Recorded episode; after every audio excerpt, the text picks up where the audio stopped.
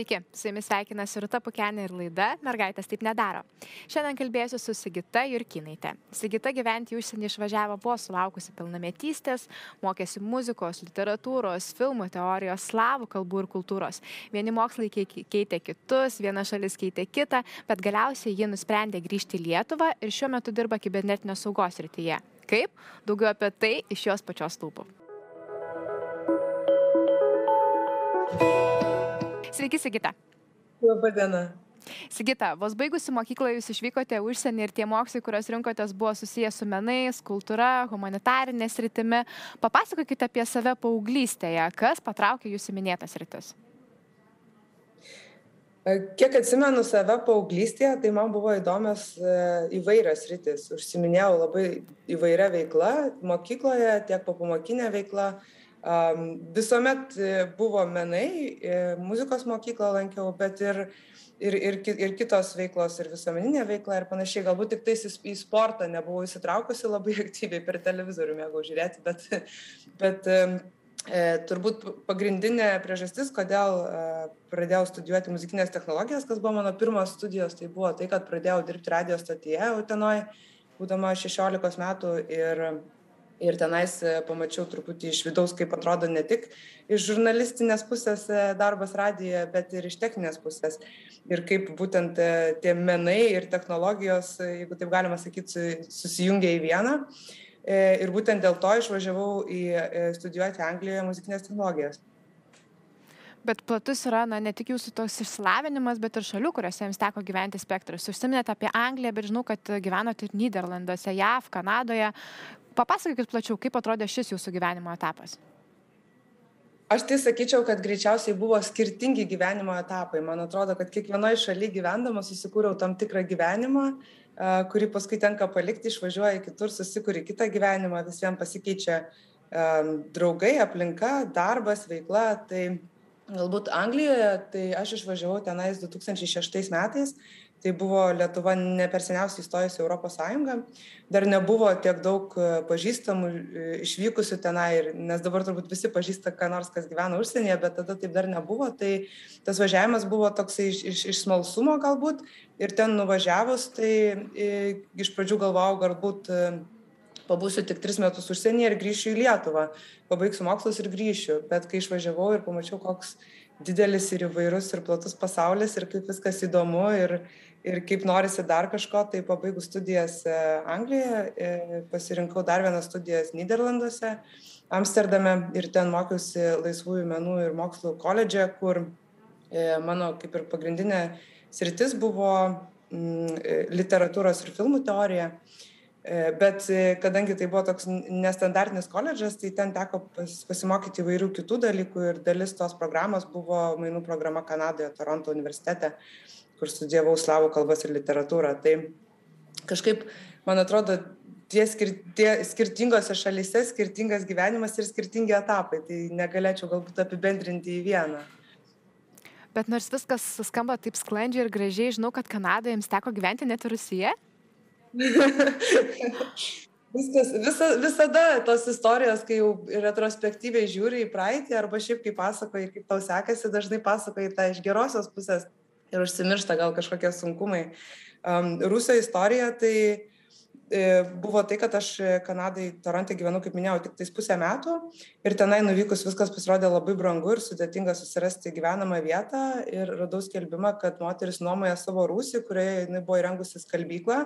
Ir ten e, toje skalbykloje buvo ir, ir, ir lova, ir dušas. Tai aš tenais apsigyvenau ir nebuvo labai šilta ten, galbūt nuo skalbimo mašinas pasišildydavau kartais ar nuo džiavyklės.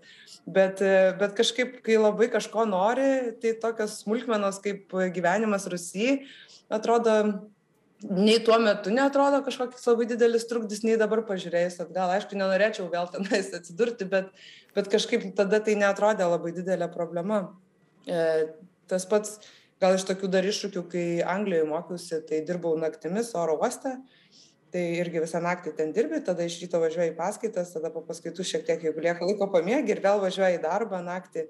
Tai taip pat atrodo, žiūri atgal ir taip netgi romantiška kažkaip atrodo tas, tas periodas, bet visur visada reikėjo, reikėjo sunkiai dirbti ir, ir dažnai žmonės, ypatingai kai sužino, kad vat, mokiausi užsienyje, e, galvoja, kad kažkaip man pasisekė, kad, kad galbūt kažkas labai padėjo, ar finansiškai, ar kitaip.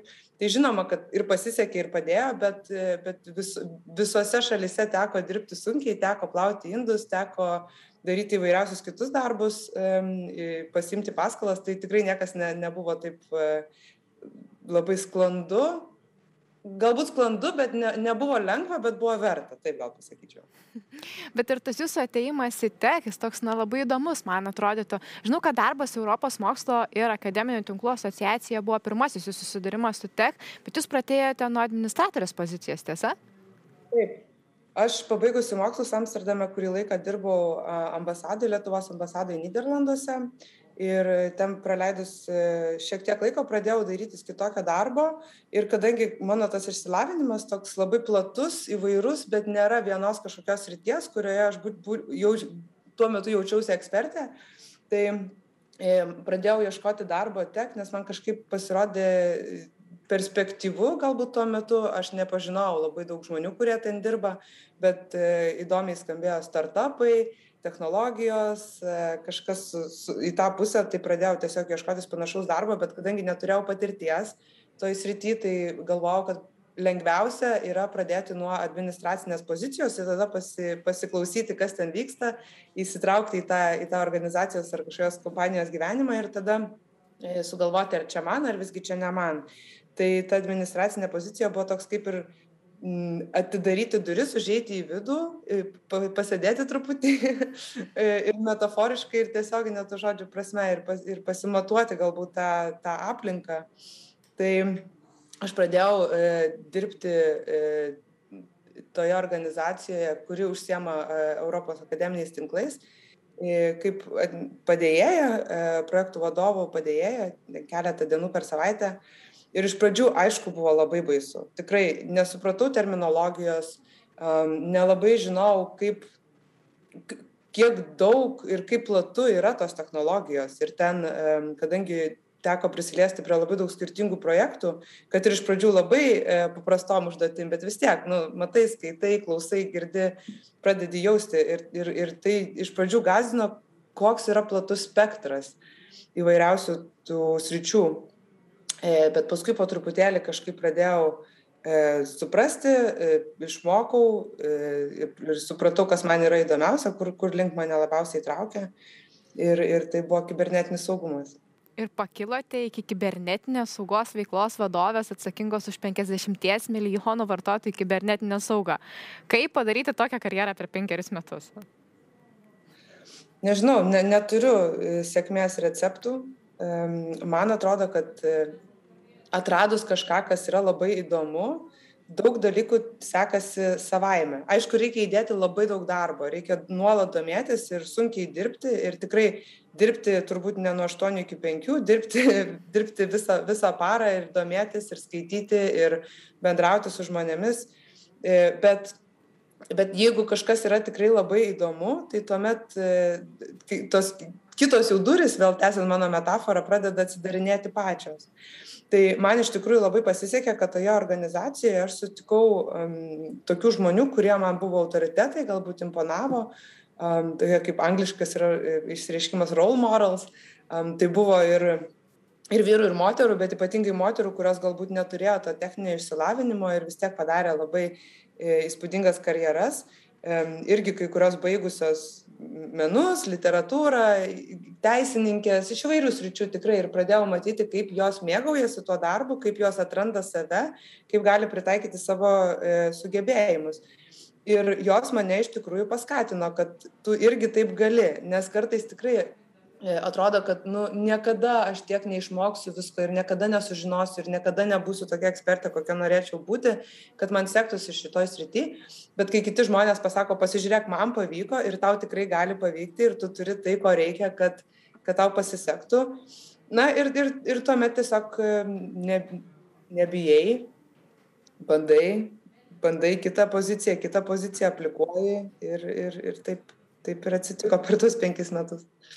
Užsiminėte apie kitas moteris, kolegės dirbančias tek, ar kitur užsienyje, tose šalise, kuriuose gyvenote, galbūt teko tuo metu, žinau, kad kitose sritėse dirbote, bet atkreipti dėmesį, ar iš tiesų irgi yra ta problema, kad trūksta moterų tek ir ką galėtumėm padaryti Lietuvoje daugiau, kad tų moterų padaugėtų šitoje srityje?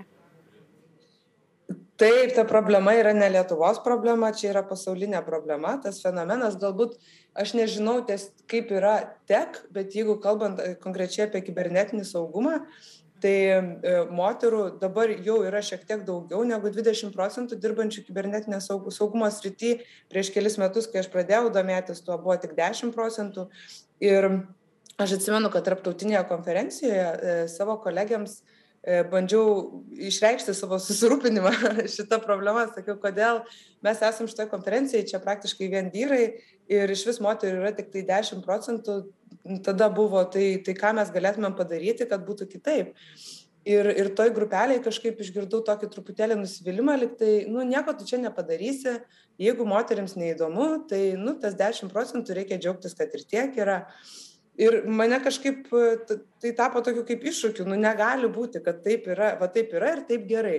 Nes man atrodo, kad mes visi sutarėm, kad, kad skirtingi žmonės, kuo daugiau skirtingų žmonių dirba visose sritise, tuo geriau, nes tai visi žmonės atneša savo kažkokias e, patirtis ir, ir nuomonės ir požiūrius, tai, tai numoti ranką ir sakyti 10 ar ten 20 procentų yra gana, aš manau, kad negana. Bet ką mes galime padaryti, tiek Lietuvoje, tiek pasaulyje, tai e, tų, tų, tų programų, tokių kaip ir oficialių yra, yra mentoristės programos, yra Women Go Tech Lietuvoje labai sėkminga programa, yra LT Big Brother programa, tai čia yra tos dvi, kuriuose aš aktyviai dalyvauju ir apie kurias žinau, bet tai neturi būti e, kažkokia formali mentoristė, tai gali būti vat, ir toks pa, paskatinimas kažkam, pavedimas už rankos, galbūt e, į, į, į sudominimas, užnorinimas pasižiūrėti, kaip tai atrodo, pasimatuoti tą sritį ir galbūt e, joje pasilikti. Tai čia galbūt vienas iš tų dalykų, ką galima padaryti. Mm, kitas dalykas, ką aš pastebėjau, tai kad e, nėra e, arba yra labai silpni moterų dirbančių kibernetiniam saugumė tinklai. Ta, ta tinklaveika galbūt galėtų būti stipresnė, tas networkas vadinamas angliškai gal. Manau, kad daug kur e, taip pat ir lietuvoje yra tokie ganėtinai susibūrę, susibūrę vyrų tinklai, tokie berniukų klubai, boys club, kur jie keičiasi informacija apie profesinę, e, profesinę veiklą, vieni kitus paskatina e, aplikuoti tam tikras pozicijas, galbūt toj pačioje viduje organizacijos irgi paragina kažką, kažko daugiau imtis. Tai vad reikėtų kažkaip tą irgi mums moterims pačioms daryti vienoms, vienos kitoms ir, ir jausti ne kažkokią tai konkurenciją, o tai, kad kuo daugiau mūsų bus, tuo visiems iš to bus geriau. Trečias dalykas turbūt yra labai aktyviai pasakoti apie savo darbą. Tai ką aš dabar darau, bet e, galima pasakoti nebūtinai e, kažkokiose žiniasklaidos priemonėse, bet tose pačiose mokyklose, ar, ar studentams, ar dar kažkam tiesiog skleisti žinią apie tai, kas tai yra tos technologijos, kas gali juose dirbti, kokių sugebėjimų reikia ir kad, ir, ir kad visi gali save realizuoti man atrodo kad mes neretai dar galvojam kad tech sritis yra labai siaura ir yra tokių manymų kad jeigu tu dirbi tech srityje tai na tech sritis yra tolygu programavimas. Man dėl to labai įdomu kalbėtis ir su jumis dirbate su kibernetiniu saugumu susijusį darbą. Gal galit daugiau papasakoti apie savo kasdienybę šiandien? Kaip atrodo tas jūsų darbas? Gal tai padėtų daugiau moterų pažinti a, kitas tech sritis ne tik moterų, bet ir vyrų. Iš tikrųjų visiems galbūt būtų pravartu žinoti, kad, tas, e, kad tek yra ne tik programavimas.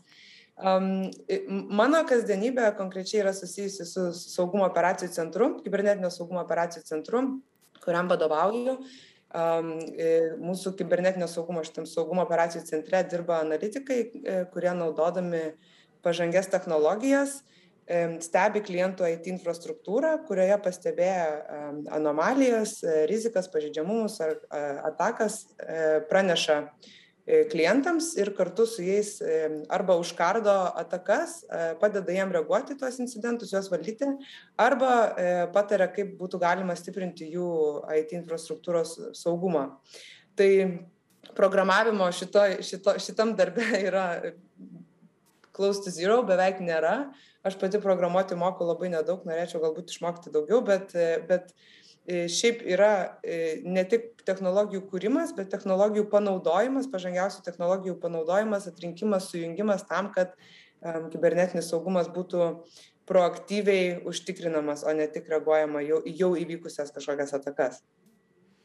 Kitas stereotipas, kuris labai gajus yra tech srityje, tai kad tu turi jau iš karto gimti su talentu. Turi nuo mažumės e, sėdėti prie kompiuterio, nežinau, dėlioti konstruktorius, puzlės ar panašiai. Nors atrodytų, tų kelių į tech yra tikrai labai skirtingų. Ir jūsų kelias buvo taip pat aptariame labai vingiuotas. Gal jūs galėtumėt patarti, na, išvelgti, kokias specialybės reikėtų turėti, jeigu nori dirbti tech srityje, ką galėtumėte patarti kitiems? Bet, bet kokias iš tikrųjų, kaip iš mano pasakojimo jau turbūt supratot, kad yra žmonių, kurie dirba e, tek ar kibernetiniam saugumė, baigia įvairiausius mokslus ir domėjasi įvairiais dalykais.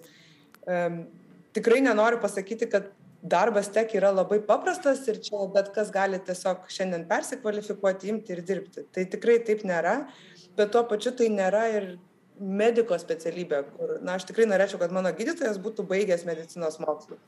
Tačiau žmonės, kurie dirba technologijose ar kibernetiniam saugume konkrečiai, tikrai neprivalo būti tie, kurie sėdėjo nuo, nuo mažumės prie kompiuterio. Gerai, jeigu, jeigu tokie yra ir tokie žmonės save realizuoja vėliau šitoj srity, tai labai šaunu, bet bet kai tikrai galima e, ir netgi negalima, o reikia e, įsitraukti ir į šitas rytis, jeigu esi baigęs jau humanitarinius ar socialinius mokslus, nes reikia, reikia žmonių, kurie gali rašyti, sklandžiai aprašyti kažkokius tam tikrus produktus ar procesus. Reikia žmonių, kurie gali į, į tas technologijas ar saugumą pažiūrėti iš teisinės pusės, galbūt teisininkų reikia.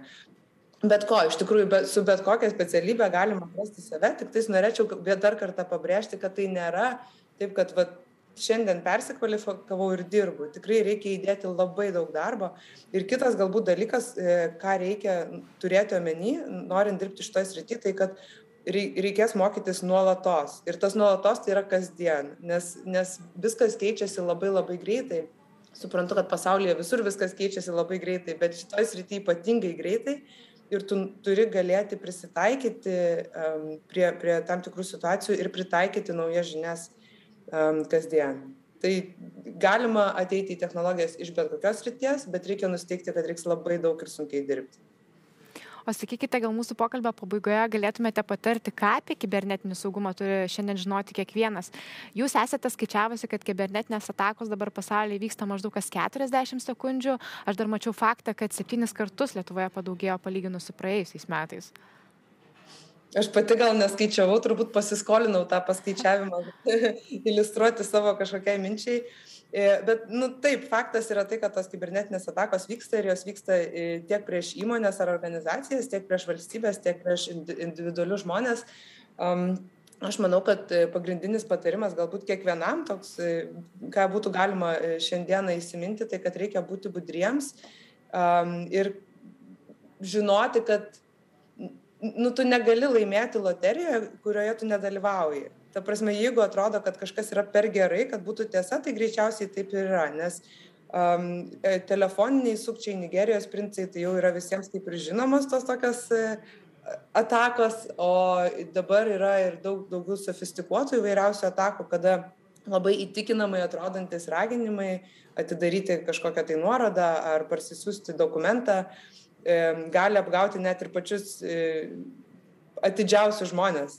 Tai, tai galbūt reikėtų būti budriems ir žinoti, kad hakeriai ar sukčiai kažkokie taip pat nebūtinai turi turėti kažkokių labai techninių gilių žinių, jie gali tiesiog panaudodami socialinės inžinierijos įgūdžius išgauti tam tikrą informaciją ar duomenis iš jūsų ar jūsų artimųjų.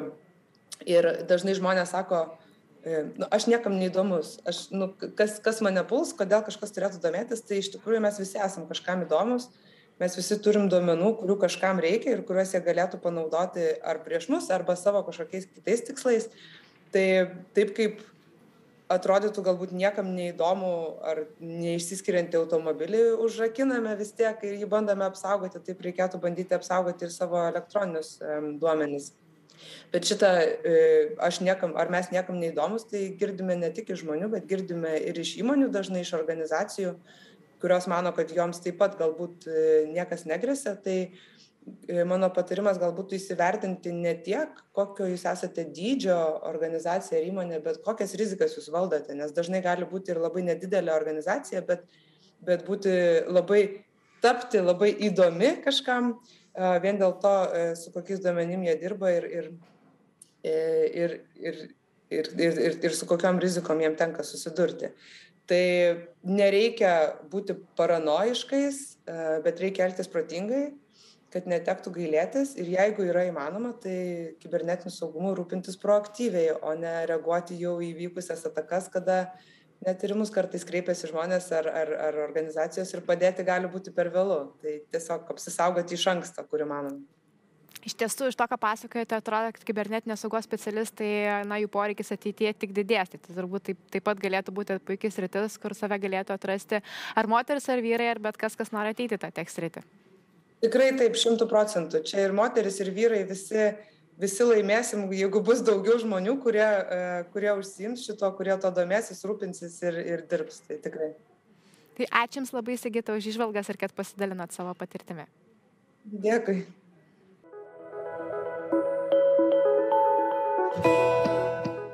Padėkoti norėčiau ir jums, mėly žiūrovai, kad buvote kartu su mumis. Taip pat ačiū turiu ir mūsų laidos remėjai bei partneriai Baltic Amadeus. Iki kitų susitikimų.